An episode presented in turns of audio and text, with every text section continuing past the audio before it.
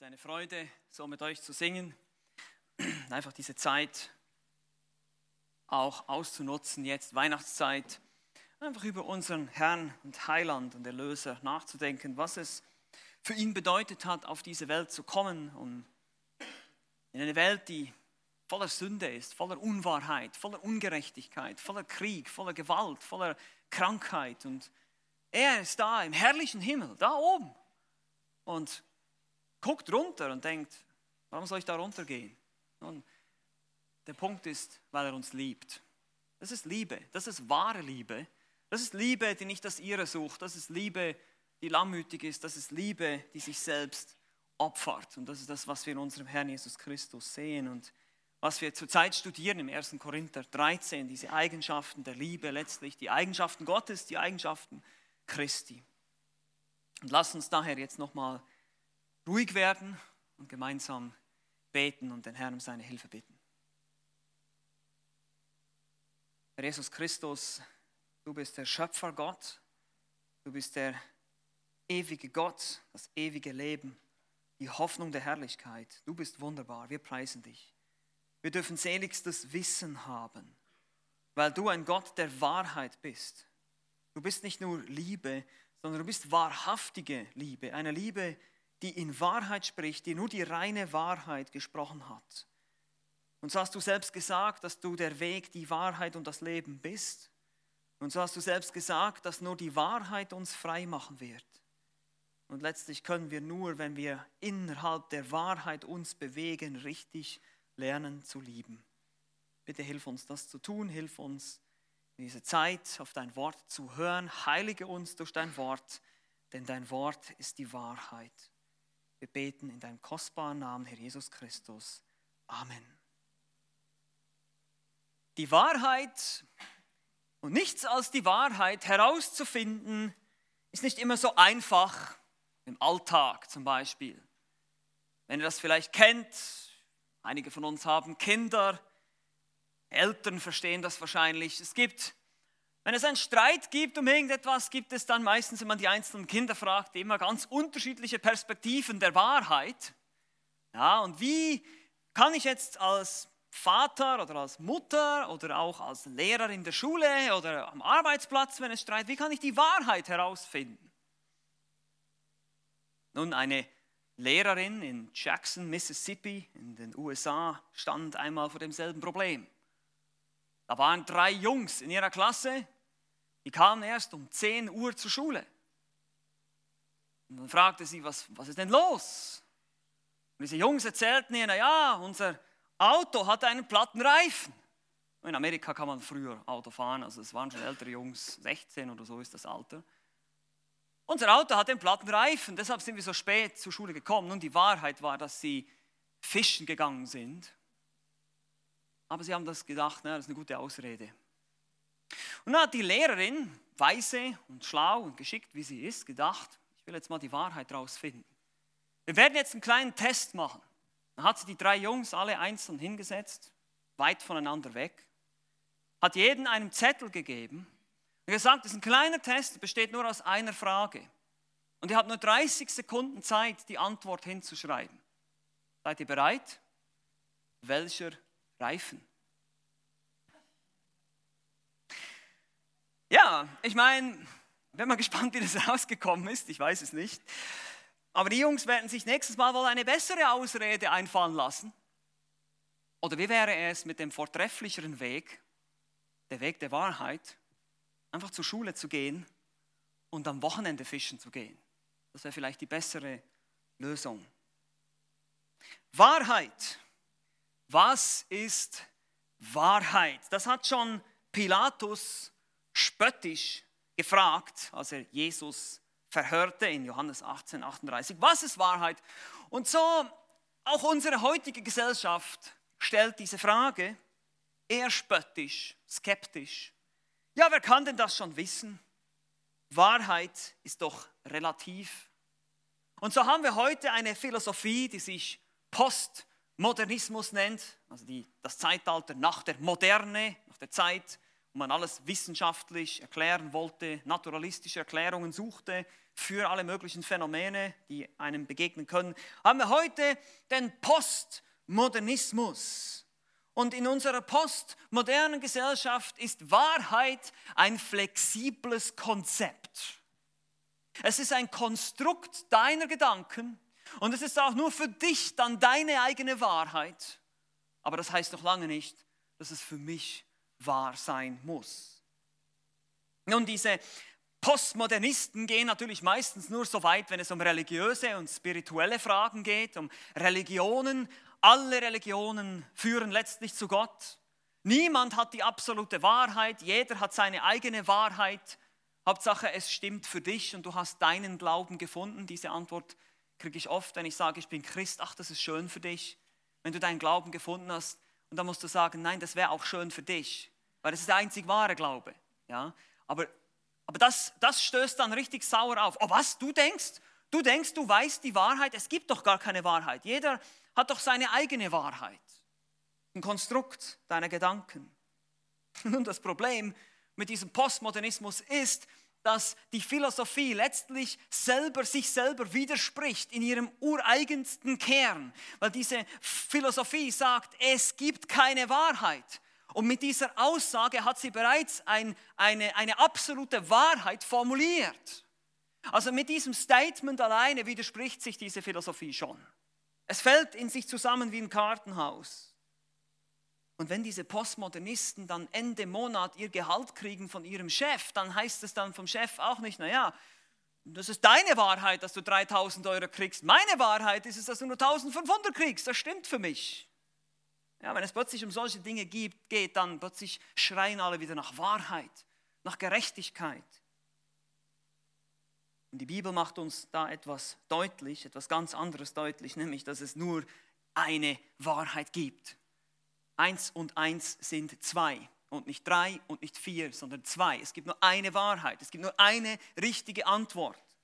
Das müssten wir eigentlich verstehen, aber die heutigen Menschen scheinen da so geistlich zu sein, dass man plötzlich von mehreren Wahrheiten spricht, obwohl das nur eine gibt. Gott selbst ist der Wahrhaftige, heißt es in Römer 3, Vers 4. Und Jesus sagt von sich selbst, er ist der Weg, die Wahrheit und das Leben.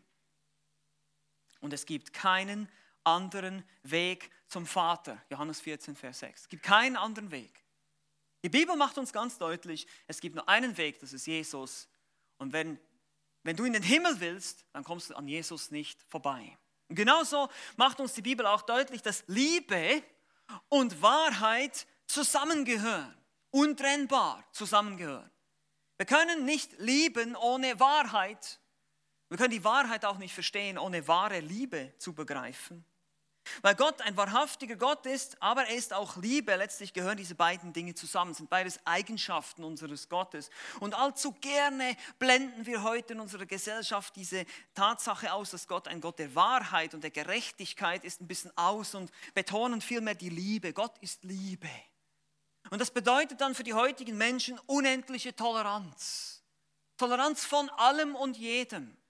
Meine Lieben, darf ich euch mal etwas sagen? Gott ist nicht tolerant. Okay? Er toleriert nämlich gar nichts außer seine Wahrheit. Nichts. Entweder das, was er sagt, oder sonst nichts. Es ist entweder richtig oder falsch. Und das ist das, was die Bibel sagt. Das ist nicht meine Idee hier. Das ist, was die Schrift sagt. Wer den Sohn hat, der hat das Leben. Wer den Sohn nicht hat, der hat das Leben nicht. Es gibt nicht mehrere Möglichkeiten. Entweder hast du den Sohn Christus, entweder kennst du ihn oder du kennst ihn nicht. Es gibt nichts dazwischen, es gibt keine neutrale Zone. Ja, wir Schweizer, wir sind gerne so neutral, aber das gibt es nicht im Geistlichen. Okay? Also Gott ist nicht tolerant, aber Gott ist trotzdem Liebe. Das hat eben nichts miteinander zu tun. Diese, diese, diese ganze Definition von Toleranz ist völlig verkehrt heute. Das ist einfach total verkehrt. Und die Leute denken, sie sind so liebevoll. Ja, wir akzeptieren alle und jeden. Das ist, Wisst ihr, was das ist? Das ist Hass. Das ist Hass, das ist lieblos. da, werden, da werden Menschen in ihrem falschen Lebensstil bestätigt. Da werden Menschen in, in ihrem falschen Glauben auf dem Weg in die ewige Verdammnis bestätigt. Man sagt ihnen, du bist okay, du bist gut, du bist wunderbar, du bist okay, ich bin okay, fahr zur Hölle, könnten wir sagen. Was ist das für eine Liebe? Nein, auf keinen Fall. Ich muss diese Menschen warnen. Sie sind auf dem Weg in die ewige Verdammnis. Ja, es gibt eine ewige Hölle, eine ewige Verdammnis, ein Feuer, das nie mehr aufhören wird zu brennen. Du wirst da eine Ewigkeit sein, wenn du Christus nicht kennst. Das ist auch das, was die Schrift sagt. Und das gefällt den Leuten heute nicht, ich weiß. Und vielleicht gefällt es dir auch nicht, aber es ist die Wahrheit. Und hier fangen wir an, die Wahrheit zu verstehen. Wahrheit ist eben nicht ein Gedankenkonstrukt von dir und von mir. Wahrheit ist nicht abhängig davon, was ich glaube oder nicht, sondern Wahrheit ist Wahrheit. Es ist absolut. Es bleibt Wahrheit, egal was du denkst darüber, egal was du glaubst darüber, es bleibt Wahrheit. Und du kannst es glauben oder nicht glauben, es bleibt Wahrheit. Und das müssen wir erstmal verstehen, wenn wir lieben wollen. Wir können Liebe nicht verstehen ohne Wahrheit. Wir werden noch dazu kommen, aber Paulus sagt, Liebe freut sich an der Wahrheit. Liebe und Wahrheit sind wie Schwestern, Geschwister, die zusammengehören, die man nicht trennen kann. Biblische Liebe ist aufopferungsvoll, biblische Liebe ist hingegeben, biblische Liebe dient, ja, aber sie ist auch in Wahrheit. Sie tut das in Wahrheit, nicht losgelöst davon. Da braucht es eine Liebe, die aus der Wahrheit Gottes heraus wächst oder darauf gegründet ist, auf biblischer Wahrheit gegründet ist. Ja, wir können den Menschen die Bibel um die Ohren schlagen. Wir können Wahrheit ohne Liebe verkündigen. Das können wir. Ja, das machen wir vielleicht auch mal allzu oft. Das ist auch nicht richtig, dass wir den Menschen die Bibel um die Ohren knallen, liebelos, lieblos. Ja, aber Liebe ohne Wahrheit, das ist geistliche Hurerei, das ist geistliche Prostitution. Wir werden untreu dem einzig wahren Gott. Das können wir auch nicht tun. Und Wahrheit, die aus Liebe erwächst, war auch in Korinth offenbar Mangelware. Deshalb muss Paulus diese Gemeinde hier ermahnen. Er muss ihnen zeigen, was der vortrefflichere Weg ist, wie sie mit den Geistesgaben umgehen sollen. Wir sind im Moment in diesem Kapitel 12 bis 14, in diesem ganzen Kontext des ersten Korintherbriefs, wo Paulus diese Gemeinde zurechtweist. Und wir müssen verstehen, diese Gemeinde war eine lieblose Gemeinde. Ja, jeder schaute nur für sich. Und auch hier sehen wir, wenn, wenn wir diese Philosophie von heute glauben, wenn jeder für sich schaut, geht es allen gut, dann sehen wir, was dabei herauskommt. Chaos. Es geht überhaupt nicht. Es geht allen schlecht, wenn jeder nur für sich schaut. Weil er sagt, die Liebe sucht eben nicht das ihre. Ihr seid alle egoistisch. Einer will sich aufblähen gegen den anderen. Einer will mehr Freiheiten als der andere und lebt das einfach rücksichtslos aus. Du hast Gewissensbisse, Götzenfleisch zu essen. Ach, das komm, jetzt krieg dich mal wieder ein. Ja, das ist doch, wir haben Freiheit in Christus und so behandeln sie einander lieblos. Warum war das so? Nun, weil menschliche Weisheit und Philosophie in die Gemeinde eingedrungen ist, die griechische Kultur damals, eine Kultur des Wettkampfs, eine Kultur des Wett sozusagen Wettreden. Ja, es gab dann verschiedene Redner und da gab es einen Kampf zwischen den Philosophen, wie zum Beispiel heute, ich weiß nicht, ob ihr das kennt, diese Poetry Slams, wo sie dann so poetische reden und dann wird das bewertet. Ja, oder Gedichte vortragen oder so, dann wird das bewertet. So in dem Stil müssen wir uns das vorstellen und jeder stellt dann so seine Philosophie vor und die nehmen dieses Denken, importieren es in die christliche Gemeinde und wir haben voilà einen Streit. Ich bin des Paulus, er ist der bessere Redner. Oder der ist klarer, der ist einfacher. Paulus war wohl nicht so der Geschliffene. Apollos, uh, das ist der viel elegantere Redner. Dem, dem werde ich zuhören. Paulus, ah, der, ist bisschen, der stottert immer so ein bisschen. Und so gibt es Streit. Nee, Paulus, nee, Apollos. Nee. Und dann streiten die sich wie kleine Kinder. Und warum? Lieblos. Es ist einfach nur lieblos. Der, der, der, die wahre Liebe gibt dem anderen einen Vortritt und streitet schon gar nicht über solche Vorlieben. Und Paulus muss sie ermahnen und sagt, ihr habt zu viel menschliche Weisheit und Philosophie aufgesogen und so geht es der Gemeinde heute auch. Wir sind auch verweltlicht. Wir glauben auch lieber der Welt und ihrer Psychologie und Philosophie und Wissenschaft und was es da noch nicht alles gibt, anstatt der Schrift. Und so habt ihr zu viel menschliche Weisheit aufgesogen, sagt Paulus. Im zweiten Korintherbrief, Kapitel 11, Vers 3, muss er sie nochmal ermahnen, wo er sagt, ich fürchte aber, dass etwa wie die Schlange Eva durch ihre List verführte, so euer Sinn ebenfalls verdorben und abgewandt wurde von der Einfalt gegenüber dem Christus. Ihr wurdet abgewandt von der Einfachheit, Aplotheis, Aufrichtigkeit, Echtheit, das ist der griechische Wort hier. Eine, eine, eine, einfache Aufrichtigkeit. Und davon wurdet ihr abgelenkt. Und ihr wendet euch irgendwelchen ausgeklügelten Legenden und Philosophien zu, weil das sich das irgendwie intelligenter oder wissenschaftlicher oder medizinischer oder was weiß ich anhört, aber nicht biblisch. Und so müssen wir zurückkehren zu der Einfachheit. Und Paulus muss sie ermahnen, sagt, kehrt zurück zu dieser einfachen christlichen Liebe Christus stirbt für uns, das Evangelium, die gute Botschaft. Und wir leben jetzt für ihn und sterben für ihn. Und so missbrauchten sie sogar ihre Geistesgaben, haben wir gesehen in Kapitel 12. Ja, sie dienten sogar, sie, sie, sie duldeten sogar gefälschte Gaben in ihrer Mitte, dämonische Wirkungen. Ja, nicht alle Manifestationen, die übernatürlich sind, sind vom Heiligen Geist. Es gibt auch solche, die von Dämonen gewirkt werden, auch heute. Und sie sollen nicht unwissend sein, sie sind früher zu den, zu den Götzenbildern hinweggezogen, in Ekstase weggezogen worden und jetzt sollen sie nicht solche verkehrten Dinge sagen wie in Vers 3, verflucht sei Jesus, sowas sagt der Heilige Geist nicht. Also man muss die, die Theologie dieser Offenbarungen prüfen, sagt er ihnen. Und da muss er ihnen deutlich machen, dass es Verschiedenheiten von Gaben gibt. Es gibt nicht nur die, die Sprachenrede, die Zungenrede, das ist nicht die einzige Gabe, die wichtig ist. Es gibt auch andere Dinge, die wichtig sind. Auch die Leute, die im Hintergrund dienen oder großen Glauben haben, sind genauso wichtig. Aber alles zusammen ist unwichtig, wenn man was nicht hat? Liebe.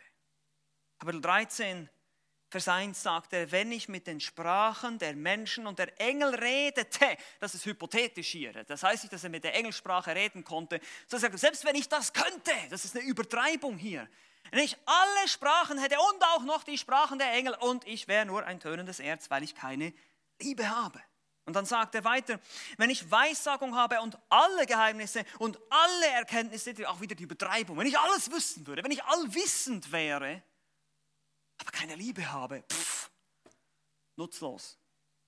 Nutzlos. Selbst wenn ich mich selbst hingebe, meinen Leib hingebe, alles weggebe, alles den Armen verteile, keine Liebe, das aus selbstsüchtigen Motiven mache, nutzlos. Und so ruft sie Paulus auf diesen vortrefflichen Weg, sagt er in Vers 31 am Ende von Kapitel 12. Er sagt, ich zeige euch einen noch vortrefflicheren Weg, den Weg der Liebe. Und das ist so, wie wir als Christen leben sollen. Im Weg der Liebe.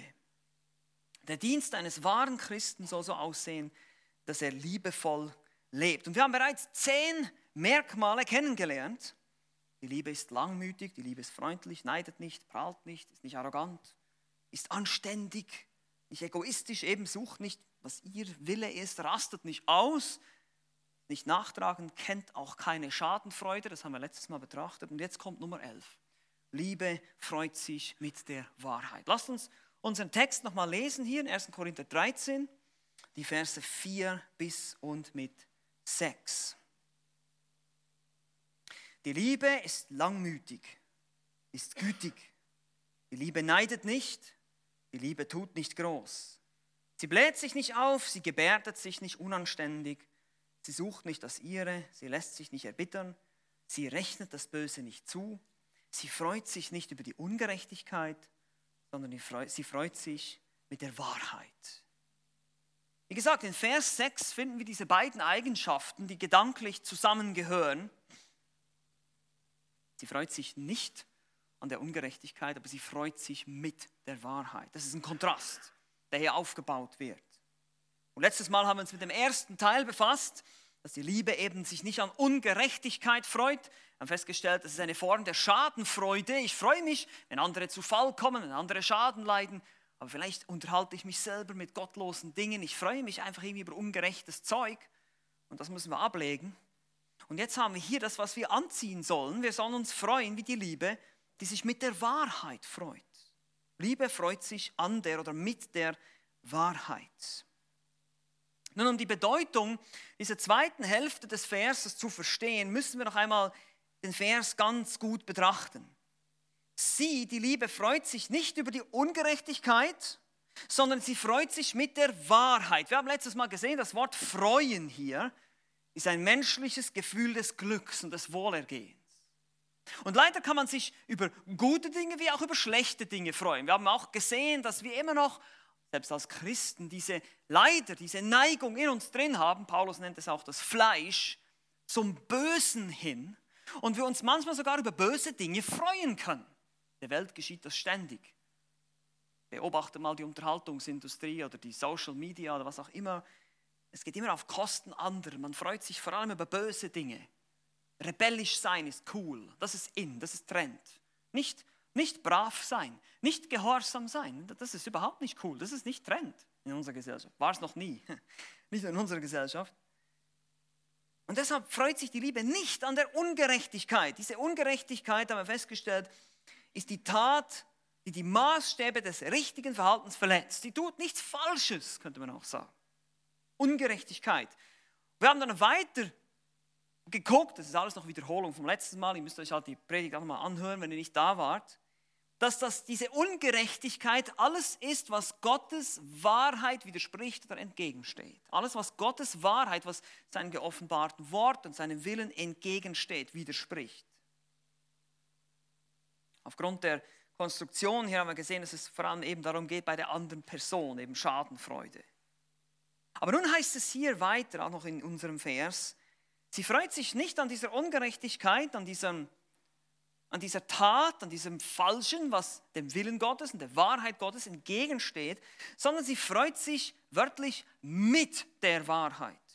Sie, die Liebe, freut sich mit der Wahrheit. Das ist besonders hier wichtig, dass wir die Übersetzung der Elberfelder nehmen, zum Beispiel weil Schlachter 2000 sagt, an der Wahrheit, ist auch nicht ganz verkehrt, aber wörtlich hier ist es mit der Wahrheit.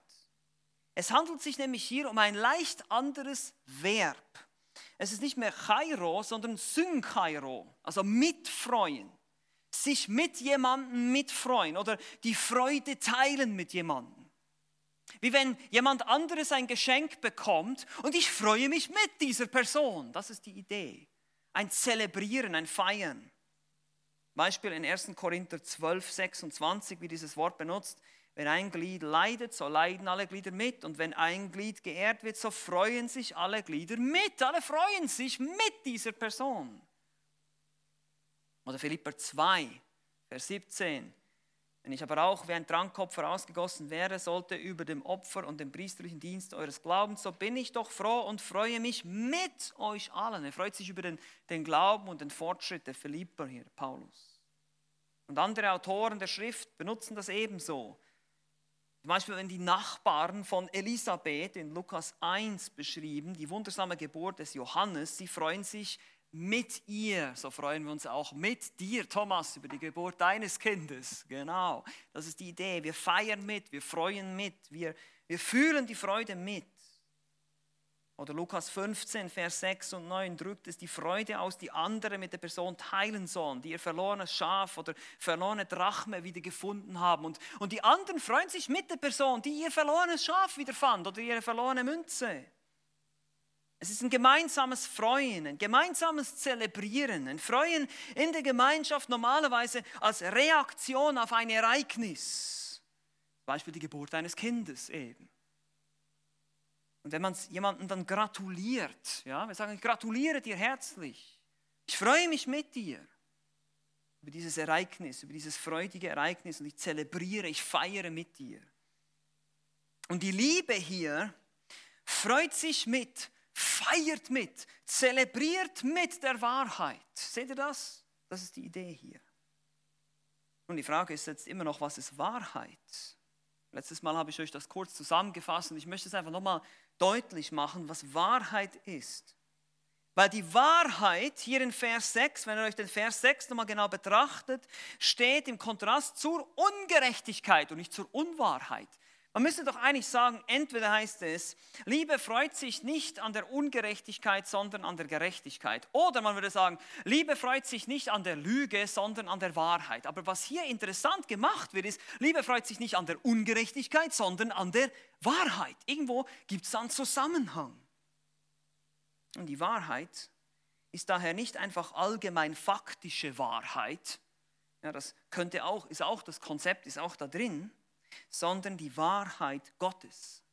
Die Wahrheit mit moralischem Charakter im Kontrast zur Ungerechtigkeit. Man kann es auch so beschreiben. Aus der Lüge folgt ein ungerechtes Leben. Und aus der Wahrheit folgt ein gerechtes Leben. Seht ihr, hier ist der Kontrast. Deshalb Ungerechtigkeit gegenüber der Wahrheit. Diese Wahrheit Gottes, diese Offenbarung, Selbstoffenbarung Gottes führt zu einem Leben in Gerechtigkeit. Und wenn du in Ungerechtigkeit lebst und dich daran freust, dann lebst du definitiv auch in der Lüge. Definitiv. Glaubst du nicht die Wahrheit in dem Moment, wenn du dich über den Schaden anderer freust oder sonst irgendwelche Dinge tust, die nicht richtig sind? Die Liebe freut sich also mit dieser Wahrheit. Und Paulus verwendet den Ausdruck Wahrheit immer wieder als ein Synonym für das Evangelium, für die Heilsbotschaft. Ich habe euch letztes Mal schon einige Verse zitiert. Ich möchte das wieder tun, einfach um das ganz deutlich zu machen. Römer 1, Vers 18. Denn es, es wird geoffenbart, Gottes Zorn vom Himmel her über alle Gottlosigkeit und Ungerechtigkeit der Menschen, welche die Wahrheit durch Ungerechtigkeit niederhalten. Römer 2, Vers 8 heißt es, denen aber die selbstsüchtig und der Wahrheit ungehorsam sind. 2. Thessalonicher 2,12, damit alle gerichtet werden, die der Wahrheit nicht geglaubt haben, sondern Wohlgefallen hatten an der Ungerechtigkeit. Wieder der Kontrast zur Ungerechtigkeit. Galater 5,7, ihr lieft gut. Wer hat euch aufgehalten, dass ihr der Wahrheit nicht gehorcht? Epheser 1,13, indem auch ihr, nachdem ihr gehört habt, das Wort der Wahrheit, das Evangelium eures Heils. Apposition. Das Wort der Wahrheit, welches ist das Evangelium eures Heils. Kolosser 1,5. Wegen der Hoffnung, die für euch aufgehoben ist in den Himmeln, von der ihr zuvor gehört habt, in dem Wort der Wahrheit des Evangeliums. Kolosser 1,5, hier wieder. Die Wahrheit ist letztlich Gottes geoffenbarte Wahrheit in seinem Wort. Das Evangelium, die gute Botschaft. Und das ist nicht nur Johannes 3,16, sondern die gesamte Schrift, ist die gute Botschaft von Anfang bis Ende.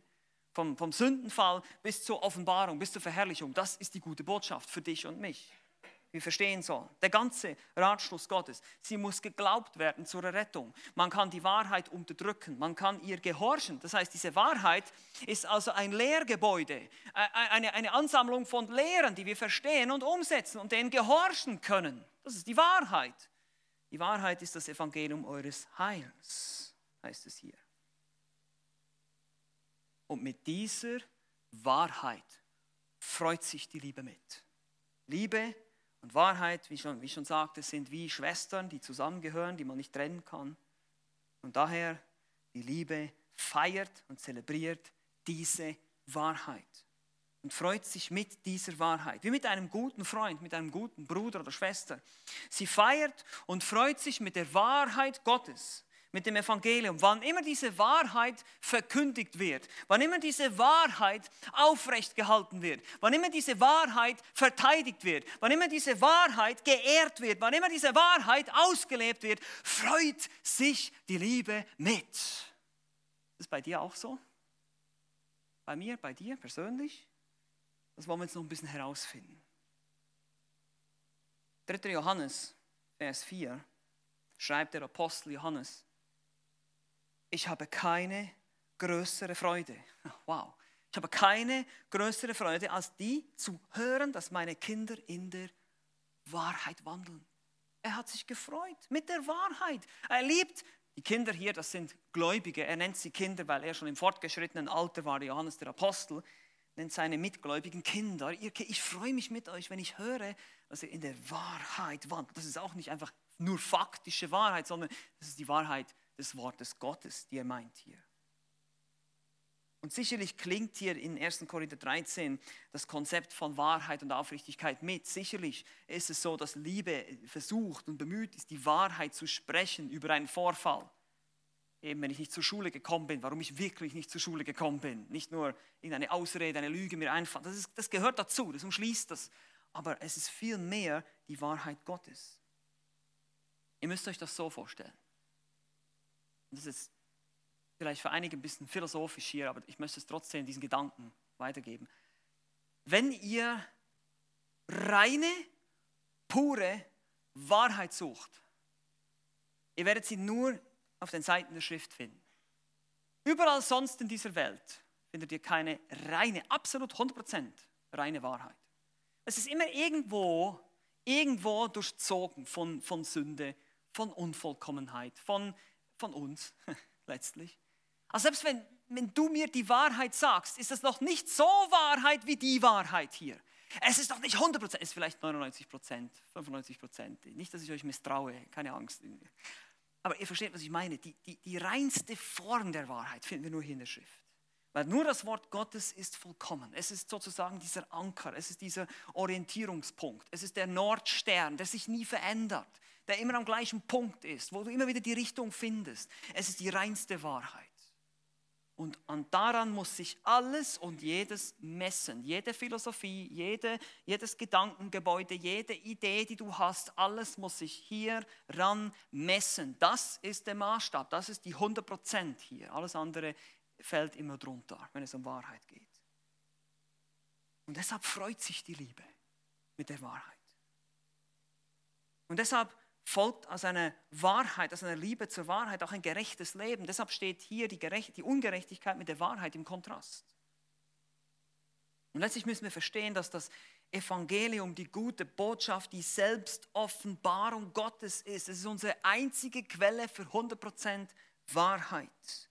Die Prinzipien und Leitlinien erheben den absoluten Wahrheitsanspruch. Die Bibel sagt, sie ist die Wahrheit. Das Wort Gottes, die Schrift, ist die Wahrheit. Psalm 19, Vers 10, Johannes 17, Vers 17. Jesus selbst sagt, er ist die Wahrheit, das fleischgewordene Wort. Das, der Fleisch, die fleischgewordene Botschaft Gottes ist er, der Logos, der von Ewigkeit her war. Johannes 1, Vers 1. Und dann heißt es in 1. Johannes 2, Vers 6, wer sagt, dass er in ihm bleibe, ist schuldig, selbst auch so zu wandeln, wie er, Jesus, gewandelt ist. Wenn du in Christus bleibst, in der Wahrheit, dann wirst du diese Wahrheit ausleben. Ich glaube, es gibt kaum eine Tatsache, die wichtiger ist für uns heute, das zu betonen in unserer heutigen Zeit. Wie viel Verwirrung gibt es heute in der Christenheit, weil diesen einfachen Punkt nicht verstanden wird. Liebe und Wahrheit gehören zusammen. Liebe freut sich mit der Wahrheit und nur mit der Wahrheit. Alles andere fällt irgendwo drunter. Nun, um das Ganze jetzt ein bisschen praktisch und anschaulich zu machen, wollen wir uns heute eben die Frage stellen, wie freut sich denn die Liebe mit der Wahrheit? Oder um es noch persönlicher zu machen, wie freust du dich denn in der Liebe mit der Wahrheit? Wie weit geht deine Liebe zur Wahrheit und mit der Wahrheit? Das ist die Frage. Wie freut sich die Liebe mit der Wahrheit? Wir haben nur drei Punkte heute. Es ist ganz einfach. Ich habe einfach eine längere Einleitung gemacht. So macht man das. Drei Punkte, die sehr praktisch sind. Die, eine dreifache Antwort. Wie freut sich die Liebe mit der Wahrheit? Liebe freut sich mit der Wahrheit, indem sie sie liebt, indem sie sie lebt und indem sie sie verteidigt. Also liebt, lebt, verteidigt. Drei Worte. Also erstens, Liebe freut sich mit der Wahrheit, indem sie sie liebt. Lieben hier im Sinne eines Verlangens, eines Hungers danach. Die Frage, die du dir stellen musst, ist, liebst du die Wahrheit? Hast du ein Verlangen nach Gottes Wort? Jesus sagte, dass er die Wahrheit ist. Die Wahrheit ist zuerst eine Person, nicht ein Fakt. Liebst du Jesus? Und zwar nicht so, wie das heute oft gesagt wird, ja, wir alle lieben Jesus, naja, müssen wir aufpassen. Ich meine den Jesus der Schrift, der Jesus, der auch anstößig ist, der Jesus, der auch Nachfolge fordert. Diesen Jesus meine ich, den wahren Jesus.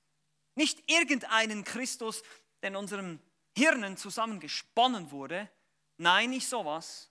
Ein Jesus, der nur allen gibt und alle toleriert. Nein, einen solchen Jesus meine ich nicht. Ich meine den Christus der Schrift, der wahre Christus. Kennst du Jesus Christus, ist die Frage. Weil wenn du, wenn du nicht gläubig bist, wenn du den Heiligen Geist nicht, dann kannst du nicht so lieben. Dann wirst du diese Wahrheit auch nicht lieben können. Da wirst du dich nicht freuen können über die Bibel. Und dann wirst du Bibel lesen als langweilig empfinden. Du wirst denken, ach, diese Predigt ist viel zu lange, wann wird das endlich zu Ende sein? Weil du dich nicht freust an der Wahrheit. Weil das für dich keine Nahrungsaufnahme ist, sondern du verstehst es, es prallt irgendwie alles ab. Der natürliche Mensch vernimmt nichts vom Geist Gottes, sagt 1. Korinther 2,14. Du verstehst es gar nicht, du kannst es irgendwie gar nicht einordnen, weil du Christus noch nicht kennst. Vielleicht musst du erstmal Buße tun, an Christus glauben. Christus ist am Kreuz für deine Sünde gestorben. Wenn du dein ganzes Vertrauen auf ihn setzt, dann bekommst du Vergebung deiner Sünde. Das ist das Evangelium. Du musst bekennen, dass du ein Sünder, ein Übertreter des Gesetzes bist und Vergebung brauchst und dass das kein Werk gibt, keine eigenen religiösen Bemühungen, die dich irgendwie retten könnten. Oh, du denkst, du bist gerecht. Du denkst, du hast das Gesetz gehalten, dann bitte prüfe dich nochmal mit dem Liebesquotient. Wie geduldig bist du? Hast du noch nie die Beherrschung verloren? Bist du noch nie neidisch geworden? Hast du dich noch nie über etwas Böses gefreut? Hast du keine unreinen Gedanken gehabt, je in deinem Leben? Wenn irgendeins auch nur im kleinsten von diesen Dingen vorkommt, dann bist du vor einem absolut 100% heiligen Gott 100% schuldig geworden. Nur ein kleiner Gedanke reicht aus. Und wir sind alle verloren. Und deshalb, wir wissen, wir können Gottes Gebote nicht aus eigener Kraft halten. Es funktioniert nicht. Deshalb brauchen wir Christus, wir brauchen den Heiligen Geist. Du brauchst ihn in deinem Leben, um diese Dinge zu tun. Das ist die Voraussetzung. Du musst Christ sein, um das zu tun. Und dann ist aber die Frage immer noch, liebst du Gottes Wort? Weil wenn ich Christ bin und die Schrift nicht lieb habe, dann muss ich mir überlegen, okay, lebe ich irgendwo in Sünde? Muss ich irgendwo Buße tun? Gibt es irgendwas, was die Beziehung zwischen mir und dem Herrn hindert? Weil wenn du die Schrift nicht liebst, wirst du nie in dieser Liebe, von der hier in 1. Korinther 13 gesprochen wird, leben können. Wenn du nicht die Bibel liebst, dann wirst du nie in dieser Liebe leben können, von der die Schrift, die Bibel spricht. Wir müssen uns damit beschäftigen, wir müssen unsere Gedanken damit füllen, wenn wir das ausleben wollen. Im Psalm 1 heißt es, glückselig ist der Mann, der nicht wandelt im Rat der Gottlosen und nicht steht auf dem Weg der Sünder und nicht sitzt auf dem Sitz der Spötter, sondern seine Lust hat am Gesetz des Herrn. Wow. Hast du deine Lust am Gesetz des Herrn? Und dann heißt es hier auch noch, und über sein Gesetz nachsinnt Tag und Nacht. Worüber denkst du die ganze Zeit nach? Wenn du das nicht tust, kannst du nicht in dieser Liebe leben. Das geht nicht. Weil dein Fleisch wird immer wieder versuchen, die Kontrolle zu übernehmen. Dein Egoismus, dein Ego, das nicht sterben kann, bis der Herr kommt und uns dann 100% erlöst und unseren Leib verwandelt, wird immer wieder versuchen zu kontrollieren. Dieser Mensch hier, der lebt nicht mit den Ungerechten, er gibt sich nicht in die gottlose Gesellschaft, er meditiert, er denkt nach über dem Wort Gottes, weil er es liebt. Er hat seine Lust am Gesetz hier im Psalm 1. Nun, es bleibt natürlich nicht beim nur darüber nachdenken. Wenn das dann so ist, wenn wir uns darauf konzentrieren, nicht mehr auf das Negative, auf die, auf die Ungerechtigkeit, sondern eben uns auf die Bibel konzentrieren, dann wird es auch Auswirkungen haben für mich und dich, für dein Leben. Du denkst dann plötzlich über deine Glaubensgeschwister etwas anders. Wir freuen uns dann mit ihnen an der Wahrheit, dass sie da sind. Du denkst dann nicht, oh, jetzt kommt der wieder heute am Sonntag. Nein, du, du, ah, das ist ein Kind Gottes, der Herr hat ihn lieb. Dein Denken wird biblisch. Verstehst du, die Bibel präsentiert uns nicht nur einfach eine, eine nette Religion oder ein Ticket zum Himmel. Die Bibel ist die Wahrheit. Das heißt, alles, was wir denken, soll hier drin irgendwo verwurzelt sein. Dann ist es richtig und sonst ist es falsch. So absolut, so radikal müssen wir sein. Liebe, die die Wahrheit liebt, ermutigt und lobt, richtiges Verhalten. Wir werden richtiges Verhalten als, ich sage es jetzt mal im heutigen Jargon, cool empfinden. Wir werden richtiges Verhalten, nicht als langweilig und spießig, sondern nein, als richtig gut. Wir freuen uns drüber. Und wir werden traurig, wenn Leute sich nicht richtig verhalten. Es wird anders. Du wirst verändert in deinem Denken. Dein Sinn wird verändert durch die Schrift, durch das ständige dich aussetzen diesem, dieses Buches. Du denkst anders und du handelst anders. Wir fangen an, ein bisschen mehr einander zu loben, anstatt nur zu kritisieren. Wir müssen das lernen. Es fällt uns meist einfacher zu kritisieren als zu loben, ist es so? Ist doch so, ne?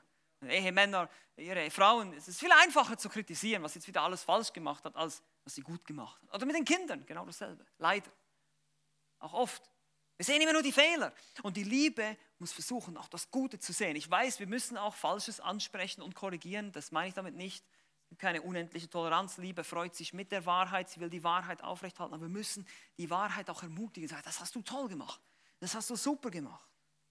Allzu oft tun wir das nicht. Aber je mehr wir die Schrift lesen und das schriftgemäße Verhalten bei anderen sehen, werden wir das tun. Werden wir sie loben dafür, werden wir sie ermutigen darin. Mein Lieben, Paulus selbst ist ein wunderbares Beispiel. Wenn ihr mal Römer Kapitel 16, wir können das jetzt nicht durchlesen, wir haben nicht so viel Zeit, aber Römer Kapitel 16 ist ein ganzes Kapitel, wo er darüber verwendet, Menschen zu loben und zu erwähnen und zu grüßen. Ein ganzes Kapitel. Das war ihm so wichtig, dass diese Menschen alle aufgeschrieben hat. Die Philipper lobt er zu Beginn seines Briefes, er dankt Gott für sie in Philipper 1. Und in Kapitel 2 erwähnt er zwei Mitarbeiter, Timotheus und Epaphroditus, noch besonders.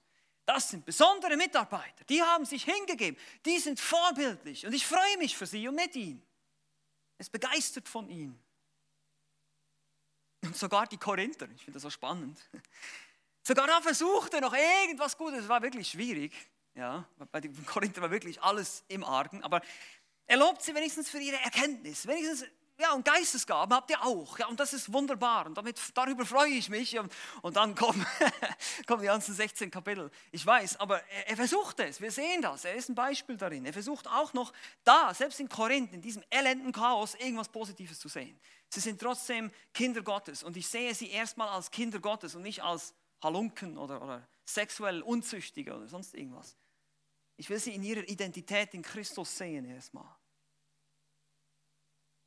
Also Liebe, die sich an der Wahrheit freut, wird also immer etwas finden, wofür, wofür sie loben kann. Und das ist richtiges Verhalten, was wir ermutigen wollen. Also wir lieben die Wahrheit. Das ist mal das Erste. Liebe freut sich mit der Wahrheit, indem sie die Wahrheit liebt. Zweitens, Liebe freut sich mit der Wahrheit, indem sie sie lebt, natürlich. Ja, wir haben es ein bisschen angesprochen, aber wir haben uns jetzt auf unser Denken konzentriert. Aber die Frage ist jetzt auch, gehorchst du auch der Wahrheit? Gehorchst du Gottes Wort? Lebst du auch, was du behauptest zu glauben? Denn das tut die Liebe. Seht ihr hier, wenn du liebevoll leben willst, musst du im Gehorsam leben. Das ist etwas, was die heutige Welt überhaupt nicht. Die denkt, was, Gehorsam und Liebe, das gehört zusammen? Ja. Ja, gehört zusammen. Wenn du nicht gehorsam bist, dann liebst du nicht. Ganz einfach. Wenn du nicht, ich sag's nochmal, wenn du nicht gehorsam bist, dann liebst du nicht. Ungehorsam ist lieblos. Es ist lieblos, als Kind den Eltern ungehorsam zu sein. Warum? Weil die Eltern darunter leiden. Es ist lieblos, dem Staat gegenüber ungehorsam zu sein, solange er nichts Sündiges verlangt, weil andere haben dann mehr Arbeit damit. Es ist lieblos, gegenüber Gott ungehorsam zu sein, weil das macht ihn traurig. Wir betrüben den Heiligen Geist. Es ist lieblos. So beschreibt auch der Apostel Johannes einen wahren Christen. Es ist jemand, der von Gehorsam und praktischer Gerechtigkeit in seinem Leben gekennzeichnet ist. Warum? Weil er den Herrn Jesus Christus liebt. Weil er sich mit der Wahrheit freut. 1. Johannes Kapitel 2, Verse 4 bis 5. Und daran erkennen wir, dass wir ihn erkannt haben, wenn wir was? Seine Gebote halten. Wer sagt, ich habe ihn erkannt und hält doch seine Gebote nicht, der ist ein Lügner. Und in einem solchen ist die Wahrheit, hier wieder mit dem Artikel, die Wahrheit nicht. Wer aber sein Wort hält, in dem ist wahrhaftig die Liebe Gottes vollkommen geworden. Ist das nicht interessant? Wer die Wahrheit, wer der Wahrheit gehorcht, der zeigt damit, dass die Liebe Gottes in ihm zum Ziel gekommen ist. Das ist Gottes Ziel. Er liebt uns so sehr, dass er möchte, dass wir in seinen Geboten wandeln. Das ist gut für uns.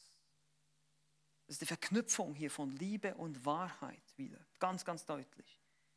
Im zweiten Brief, im zweiten Johannesbrief, schreibt der Johannes im Vers 6, und darin besteht die Liebe, dass wir nach seinen Geboten wandeln. Dies ist das Gebot, wie ihr es von Anfang an gehört habt, dass ihr darin wandeln sollt. Es kommt immer wieder Gehorsam, Liebe, Gehorsam, Liebe, Gehorsam, Liebe. Aber da gibt es noch weitere Aspekte. Wir gehorchen der Wahrheit. Wir wollen uns danach ausrichten, was die Bibel sagt. Wir lieben die Schrift, wir lesen sie gerne, wir wollen sie aber auch leben. Aber die Liebe, die die Wahrheit lebt, ist auch bereit, Sünden zu bekennen, Fehler zu bekennen. Wenn sie mit dieser Wahrheit konfrontiert wird. Ich lebe und liebe diese Wahrheit so sehr und möchte sie aufrechterhalten, dass ich sage, selbst wenn das auf meine Kosten geht, dann sage ich, ja, du hast recht, das war verkehrt. Ich tue Buße, ich bitte um Vergebung. So schreibt Johannes in 1. Johannes 1, Vers 9, wenn wir aber unsere Sünden bekennen, so ist er treu und gerecht, dass er uns die Sünden vergibt und uns reinigt von aller Ungerechtigkeit. Und davor in Vers 8 und in Vers 10 heißt es, wenn wir eben nicht die Sünden bekennen, dann machen wir Gott zum Lügner. Johannes spricht hier nicht von einem Ungläubigen in 1. Johannes 1,9, der zum Glauben kommt. Er spricht hier von einem Christen, der beständig davon geprägt ist, immer wieder Buße zu tun, immer wieder Sünden zu bekennen, immer wieder Buße tun, immer wieder Sünde. Luther hat das gesagt, das, das ist ein, unser Leben ist ein Leben der Buße. Wir müssen jeden Tag Buße tun, jeden Tag. Weil wenn wir mit dieser Wahrheit konfrontiert werden, wir merken, oh, hier habe ich schon wieder gefehlt. Oh, hier ist schon wieder falsch. Oh, hier war ich schon wieder lieblos. Oh, hier war ich schon wieder ungeduldig. Oh, und dann tun wir Buße, sagen, Herr, bitte vergib mir, Herr, hilf mir. Ich möchte nicht so sein. Das heißt, wir, wir halten die Wahrheit hoch und machen uns niedrig. Wir, sagen, wir stellen uns drunter unter diese Wahrheit. Ich möchte nicht so denken, ich möchte richtig denken. Und auch wenn mich andere konfrontieren, dann bin ich bereit, dann sage ja, du hast recht, das stimmt, die Bibel sagt, ich habe es nicht getan, das war falsch. Bitte vergib mir, ich habe es falsch gemacht. Man ist bereit, diese Konfrontation anzunehmen. Und wie gesagt, Liebe freut sich dann auch ganz besonders, wenn andere in der Wahrheit Gottes, in seiner Gerechtigkeit leben und wachsen. Das ist ein weiterer Aspekt. Liebe, die die Wahrheit lebt, praktiziert Jüngerschaft. Du möchtest ja auch, dass andere in dieser Wahrheit leben, weil es die einzige Wahrheit ist, weil es das einzig Sinnvolle ist in diesem Leben, überhaupt in dieser Wahrheit zu leben. Alles andere macht eigentlich überhaupt gar keinen Sinn. Das macht uns das Buch Prediger deutlich, so nebenbei gesagt. Alles, was die Welt dir zu bieten hat, macht keinen Sinn, sondern hier ist der Sinn des Lebens. Und du möchtest, dass der andere das auch tut. Freust du dich darüber, anderen helfen zu können, das Wort Gottes besser zu verstehen? Praktizierst du christliche Jüngerschaft? Evangelisierst du Ungläubige? Hilfst du anderen Gläubigen geistlich zu wachsen? Ermutigst du? Erbaust du andere? Bist du ein Jüngermacher? Oder sitzt du nur herum und lässt dich bedienen? Das ist die Frage. Weil Liebe, die sich mit der Wahrheit freut, möchte, dass andere ebenfalls in der Wahrheit leben. Wir haben das gesehen bei Johannes. Er freut sich nicht so sehr. Es gibt für ihn keine größere Freude, als wenn andere, wenn seine Kinder in der Wahrheit leben. Freust du dich über Gemeinschaft im Hauskreis? Die Gemeinschaft, die wir da haben, im Hauskreis, hier im Gottesdienst, in der Bibelstunde, in der Gebetsstunde, wo auch immer, ist in der Wahrheit. Wir haben nicht, wir haben nicht alle dieselben Interessen, ja. Wir haben nicht alle dieselben Kleider, wir haben nicht alle dieselben, denselben Stil, wir haben nicht alle denselben Geschmack, was Musik betrifft. Was, das, das, ist nicht, das ist nicht unsere Einheit. Unsere Einheit ist die Wahrheit. Es ist Christus allein. Sonst hätten wir wahrscheinlich gar nichts miteinander zu tun. Ich würde euch alle wahrscheinlich gar nicht kennen, wenn ich nicht Christ wäre. Ist so. Und ihr wahrscheinlich auch nicht. Ihr wärt ja gar nicht hier, ihr wärt irgendwo anders, ihr wärt irgendwo am Versumpfen da draußen. In Berlin gibt es ja genug Möglichkeiten. Äh, ich wäre zumindest da draußen am Versumpfen. Ich weiß nicht, wie es mit euch ist, aber ich wäre da. Aber wir sind hier. Warum? Weil wir die Wahrheit lieben und leben wollen. Und ich hoffe, dass das für dich der Fall ist. Sonst bist du hier am falschen Platz, sage ich dir. Das ist einfach falsch. Wenn du nicht Christus nachfolgen willst, wenn du nicht das tun willst, was die Bibel sagt, dann geh. Pff, das hat gar keinen Sinn. Wirklich nicht. Das ist völlig sinnlos. Was machen wir dann hier? Wir legen hier die Bibel aus. Wir, wir reden von der Bibel. Wir, wir, lesen die Bibel. Wir predigen die Bibel. Wir singen von der Bibel. Es ist alles Bibel hier. Deshalb heißen wir Bibelgemeinde. Wenn, wenn, wenn dich das nicht interessiert, dann, Leute, es ist besser, du hörst dir das gar nicht mehr an, weil du häufst dir Zorn auf mehr Wissen gleich mehr Verantwortung, gleich härteres Gericht, gleich heißere Hölle, okay? Es muss uns bewusst werden. Und ich kann das manchmal, denke ich, wenn Leute so in der Kirche sitzen, das ist schlimmer, als wenn sie draußen in der Welt wären, wirklich. Das ist schlimmer. Weil hier hörst du die Wahrheit und du wirst eines Tages zur Verantwortung gezogen, wenn du das nicht geliebt und nicht gelebt hast. Und wir werden noch sehen, auch wenn du es nicht verteidigt hast. Es ist eben nicht Kaffee trinken, ja, ich trinke auch gerne Kaffee, klar. Aber es geht nicht darum, um die sozialen Kontakte und das Miteinander. Nein, es geht um die, wir haben Gemeinschaft in der Wahrheit. Die Frage ist, zieht es dich dahin? Zieht es dich in die Gemeinschaft der Heiligen? Wenn du die Wahrheit liebst und die Wahrheit lebst, wenn du diese Liebe in dir hast, die damit zum Ziel gekommen ist, wie es Johannes formuliert, ja, dann musste das so sein. William Gladstone ein Premierminister von England im 19. Jahrhundert, arbeitet nachts noch spät an seiner überaus wichtigen Rede, die er am nächsten Tag halten möchte. Ungefähr um 2 Uhr nachts klopft es an der Tür. Eine verzweifelte Frau fragt den Butler, ob äh, der Herr Gladstone nicht kommen könnte. Er war ebenfalls Pastor, um zu, seinem, zu ihrem kranken, verkrüppelten Sohn zu kommen, der im Sterben liegt. Der Mann stand ohne zu zögern auf, ging zu diesem Jungen und verbrachte den Rest der Nacht mit diesem Jungen. Er verkündigte ihm das Evangelium, der Junge kam zum Glauben und er starb noch vor dem Morgengrauen. Mr. Gladstone ging wieder nach Hause und er sagte zu einem Freund an diesem Morgen, Zitat, er sei der glücklichste Mann der Welt. An diesem Morgen, so sagen Historiker, hielt er auch eine der besten Reden überhaupt. Manchmal müssen wir einfach verstehen, was wichtig ist und was Priorität hat im Leben. Es ist die Wahrheit, es ist das Evangelium. Dieser Mann liebte und lebte die Wahrheit. Das zeigt uns diese Geschichte. Also, lieben wir die Wahrheit, leben wir die Wahrheit. Drittens, Liebe freut sich mit der Wahrheit, indem sie sie verteidigt. Genau. Deshalb habe ich es am Anfang gesagt, wegen der Toleranz. Liebe, biblische Liebe ist ebenfalls nicht tolerant in diesem heutigen Sinn, wie das die Gesellschaft heute versteht. Nicht, dass wir die Leute hassen, das meine ich damit nicht. Oh, du Sünder, ja, was weiß ich ja, nicht so. Aber wir sind nicht tolerant in dem Sinne, dass wir einfach allen und jedem sagen, du bist okay, ich bin okay, Friede, Freude, Eierkuchen. Sondern ich sage, hey, in aller Liebe und aller Demut, das, was du tust, wird dich in die ewige Verdammnis bringen.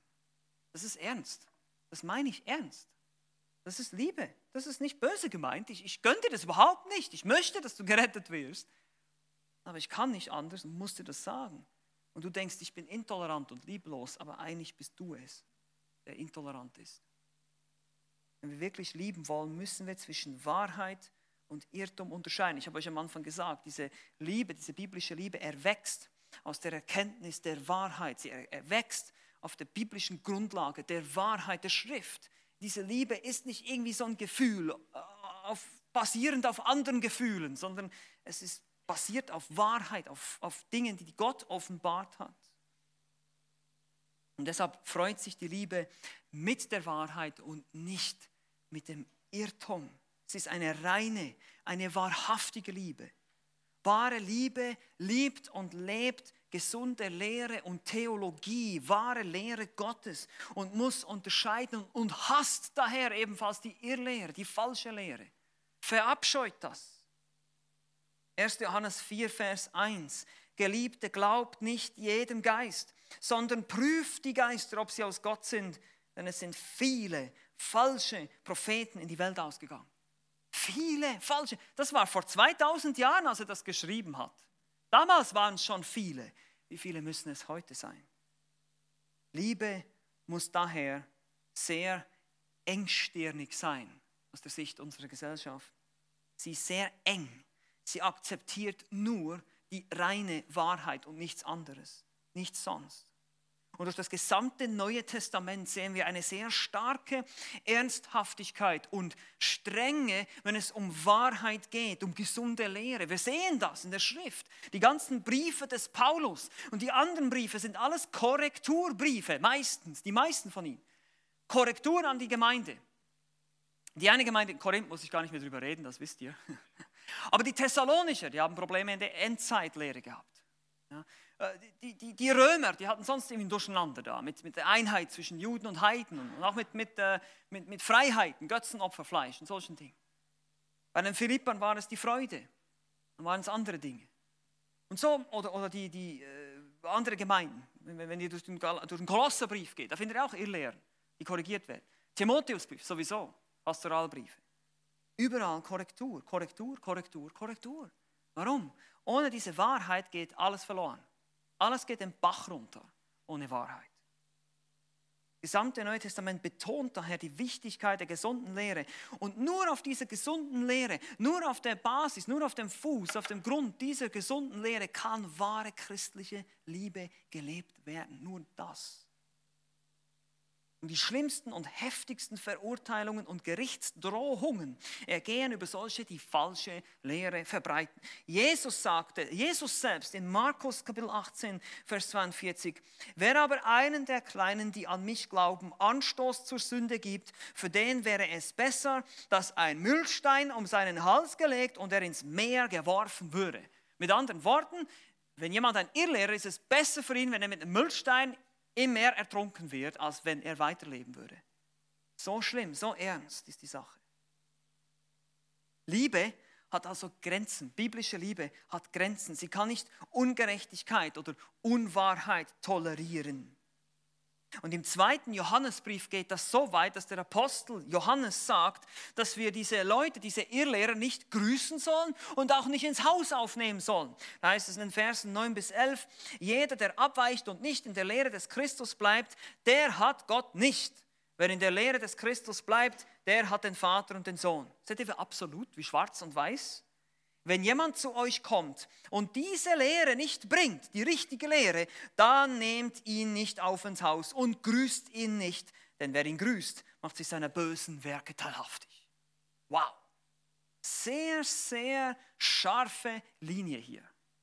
Unwahrheit, Wahrheit. Nichts dazwischen. Schwarz-Weiß. Liebe passt nicht zu Unwahrheit, Irrtum und Lüge. Es passt nicht. Es ist lieblos. Und da kann, daher kann die Liebe so etwas auch nicht unterstützen. Es ist sogar so, dass wahre Liebe energisch dagegen vorgehen wird, gegen Unwahrheit. Energisch. Ich werde mich dagegen wehren. Sage, nein, das ist falsch, das geht nicht. Hör auf damit. Hör auf, das zu verkündigen. Hör auf, das zu glauben. Das bringt dich in die Verdammnis. Hör auf damit. Liebe wird dagegen vorgehen, wenn sie wirklich liebt. Wenn sie wirklich das Wohl des anderen im Sinn hat, nicht mein eigenes Wohl, ja klar, ich fürchte vielleicht die Reaktion, vielleicht würde er mich doof finden, vielleicht würde er nie mehr mich, äh, mit mir irgendwas zu tun haben wollen, aber das, darum geht es doch gar nicht. Es geht ja nicht um mich. Aber der, die Liebe sucht das Wohl des Nächsten und deshalb suche ich das Wohl desjenigen, der im Irrtum steckt, der in der Irrlehre steckt, der auf dem Weg in die ewige Verdammnis geht. Liebe wird was tun. Wenn da ein Mensch in einem brennenden Haus steht und er steht einfach da so gemütlich rum und du siehst diesen Menschen und er merkt nicht, dass das ganze Haus brennt, dass er bald selber sterben wird, dann sagst du doch irgendwas. Und stehst nicht da und ja, das ist schön, dass du deinen Glauben gefunden hast. Ja. Happy Grill Party. Ich meine, das, das kann, kann man nicht machen, sowas. Das ist lieblos. Und dann kommen diese Christen und deshalb, ihr seht schon, deshalb gehe ich, ja, deshalb werde ich hier so ein bisschen, das, das ist so ein Thema, das mich so richtig ja, nicht ausrastet, darf ich ja nicht. Aber etwas warm werde dabei, wenn ich höre, dass Leute sagen, lasst uns, lasst uns nicht über die richtige Lehre streiten. Hauptsache, wir lieben alle Jesus. Oh. Das, ist, das ist so teuflisch. Das ist so dämonisch. Das kommt direkt aus der Hölle. Warum? Weil Christus, es gibt nur einen wahren Christus und der offenbart sich in seiner Lehre, in der Lehre der Apostel. Wir, können, wir müssen über Lehre streiten, natürlich müssen wir die Köpfe einschlagen, aber wir müssen, wir müssen Debatten führen, wir müssen die Wahrheit suchen, wir müssen miteinander rechten, wir müssen miteinander diskutieren und überlegen, okay, was ist die Wahrheit, was ist die richtige Lehre? Weil sonst sind wir lieblos. Liebe ohne Wahrheit ist geistliche Prostitution. Es ist geistliche Hurerei. Wir werden Gott untreu. Wir können nicht, wir dürfen nicht. Wahre Liebe darf nicht. Und du musst sagen, ich kann und will dich nicht tolerieren, weil ich dich liebe. Hört sich so, so entgegen allem an, was die Welt glaubt. Aber das ist, das ist genau, was die Bibel sagt. Ich liebe dich zu sehr, als dass ich dich in dieser Sünde einfach so lasse, ohne irgendwas zu sagen. Oder ich liebe dich zu sehr, als dass ich dich in diesem Glauben lassen würde, ohne etwas zu sagen. Ohne dass, du bist mir nicht egal. Ich, ich, ich möchte, dass es dir gut geht. Und ich weiß, es würde dir besser gehen, wenn du in die Wahrheit kommst, wenn du die Wahrheit erkennst. Das ist unsere Motivation zu evangelisieren, zu missionieren. Es, es geht nicht darum, dass ich mich besser fühle und ah, jetzt hat sich der wegen mir bekehrt. Das sowieso nicht. Das ist das Werk des Heiligen Geistes. Nein, aber ich möchte, dass es Menschen gut geht. Das ist die Liebe. Hat das Wohl des anderen im Sinn. Und weil die Liebe immer an die Wahrheit gebunden ist, an biblische Wahrheit, kann sie, wie gesagt, keinerlei Lüge und Irrtum brauchen oder tolerieren. Lasst uns das Ganze ein bisschen zusammenfassen hier in ein paar Fragen, die ich dir stelle, die du einfach mitnehmen kannst in deinen Alltag, die sich genau auf das beziehen, was wir jetzt gesehen haben. Wir haben gesehen, Liebe freut sich mit der Wahrheit. Liebe ist mit Wahrheit, mit biblischer Wahrheit verknüpft. Sie ist nie losgelöst davon. Und das stellt uns in eine Herausforderung, die eine Seite, weil wir wollen eben nicht diese unendliche Toleranz haben und, und ja, alle sind okay und ja, nirgends anecken. Überall möchte ich angepasst sein und ja, niemanden auf den Zehen treten. Das ist die eine Variante. Und die andere ist dann, dass ich einfach rücksichtslos daherkomme und eben die Wahrheit jemandem um die Ohren knalle. Das ist auch nicht gut. Ich muss einen Weg finden, wie ich liebevoll die Wahrheit sagen kann, so dass es dem anderen auch hilft. Und deshalb hier sind ein paar Fragen. Acht insgesamt. Wir haben noch fünf Minuten. Gut, ich mache schnell. Liebst und kennst du Christus? Die erste Frage. Wenn du kein Christ bist, kannst du nicht lieben. Weder wahrhaftig lieben und sonst irgendwas geht gar nicht. Du musst Christus kennen. Das ist die Frage, ob du errettet bist, ob du an Christus glaubst, dass er für deine Sünde gestorben ist, dass er auferstanden ist am dritten Tage, dass er bezahlt hat für dich, dass du den Heiligen Geist hast, dass du die Kraft hast, das zu tun, was die Schrift von dir verlangt. Liebst und kennst du Christus. Wenn das nicht der Fall ist, dann musst du erstmal hier stoppen und dich prüfen und Christ werden, indem du dein ganzes Vertrauen auf ihn setzt. Zweitens, liebst du Gottes Wort? Das war der nächste Schritt, ist dann, liebe ich die Wahrheit? Liebe ich Gottes Wort? Und wenn ich es nicht liebe, wie kann ich dazu kommen, dass ich es mehr liebe? Ich muss es lesen. Ja, du musst anfangen. Die Freude kommt manchmal hinterher. Ja, es ist nicht so, dass ich immer Bock habe. Ja, ihr kennt ja meinen Spruch, machst es ohne Bock. Ne? Aber die Freude kommt dann hinterher. So ist das. Je mehr ich dann, manchmal, ich muss auch morgens aufstehen und bin müde und denke, oh. Und dann lese ich die Schrift und plötzlich freue ich mich. Ich merke, ja, jetzt kommt die Freude. Jetzt, ah, das ist so schön, dass ich das jetzt entdeckt habe hier und wieder etwas, etwas gelernt habe vom Herrn und preise den Herrn. Die Freude, die kommt hinterher. Du musst die Wahrheit über die Freude stellen, dann wirst du die Freude an der Wahrheit finden. Aber du musst Gottes Wort lieben, eben auch hier als Entscheidung. Ich liebe Gottes Wort. Ich will es lesen, ich will es verstehen, ich will darüber nachdenken, ich will es mitnehmen in den Tag. Drittens, förderst du gutes Verhalten. Ja, die Liebe freut sich, wie gesagt, mit der Wahrheit, mit Gottes Wort. Und deshalb sprichst du auch mal ein Lob aus für gutes Verhalten, für jemanden, wenn er etwas richtig getan hat. Oder förderst du das generell? Sagst du einfach, ermutigst du dazu? Hey, lass uns jetzt hier nicht ähm, nur über Blödsinn reden heute Nachmittag, sondern, gut, vielleicht müssen wir das Wort Blödsinn nicht nehmen. Lasst uns nicht über solche normalen Dinge reden, das war auch interessant, aber lasst uns doch mal, was habt ihr heute Morgen in der Predigt gelernt? Ja, und versucht das Thema die, dieses gute Verhalten, das, das, das Nachdenken, die Wahrheit zu fördern und, und dazu zu ermutigen. Was haben wir gelernt? Was wollen wir dabei umsetzen? Wie wollt ihr das machen? Oder was hast du letzte Woche davon umgesetzt? Dann viertens, suchst du das Positive? Versuchst du bei anderen Geschwistern auch das Positive zu sehen? Das sehen wir bei Paulus, ja, Römer 16, das ganze Kapitel. Äh, versuchst du, auch wenn es viel Negativ, eben bei, Korinth, bei den Korinthern gab es so viel Negatives, da war es wirklich schwierig, was Positives zu finden. Und ja, vielleicht gibt es manchmal Geschwister, die in einer Lebensphase sind, wo es wirklich schwierig ist, was Positives zu finden, aber es gibt immer irgendwas. Liebe bemüht sich darum. Wir werden noch sehen, dass Liebe auch alles zudeckt und alles glaubt. Ja, da kommen wir noch dazu. Das geht dann schon in die Richtung. Fünftens, lebst du im Gehorsam. Ja, wir haben gesehen, Liebe, wenn du kannst mir nicht ernsthaft sagen, dass du die Wahrheit liebst, wenn du sie nicht lebst, wenn du nicht gehorst sieht man deine Liebe zur Wahrheit im Gehorsam gegenüber Gottes Geboten, gegenüber den Geboten Christi. Sieht man das? Sechstens, bist du belehrbar? Hier auch. Wenn du mit der Wahrheit konfrontiert wirst, bist du bereit, dich zu demütigen und zu sagen, ja, das ist recht, das ist nicht biblisch, lass mich korrigieren. Das ist okay. Ich bin ja nicht derjenige, der alle Wahrheit weiß, also will ich mich drunter stellen oder bitte um Vergebung oder was immer die Situation ist. Bist du bereit, Kritik, Belehrung, Konfrontation anzunehmen? Oder wehrst du dich gegen die Wahrheit? Ja, ich habe meinen eigenen Weg, meinen eigenen Stil, ich mache das selber. Bist du belehrbar? So kannst du auch zeigen, dass du die Wahrheit liebst und dich mit der Wahrheit freust. Siebtens, hast du Gemeinschaft in der Wahrheit? Ja, genießt du die Gemeinschaft in der Wahrheit? Eben, wenn die Gemeinde hier, wenn wir uns hier versammeln, wenn wir im Hauskreis oder jetzt dann auch bald in den Modulen, in den Lehrmodulen, Lehrstunden zusammenkommen, genießt du die Gemeinschaft in der Wahrheit mit den anderen Geschwistern. Dass, wir, dass die Bibel, dass das Wort Gottes uns verbindet miteinander. Dass das das ist, worüber wir uns freuen, worüber wir reden die ganze Zeit. Oder sind das andere Dinge? Hast du Gemeinschaft in der Wahrheit? Machst du Jüngerschaft mit anderen? Möchtest du auch das andere lernen?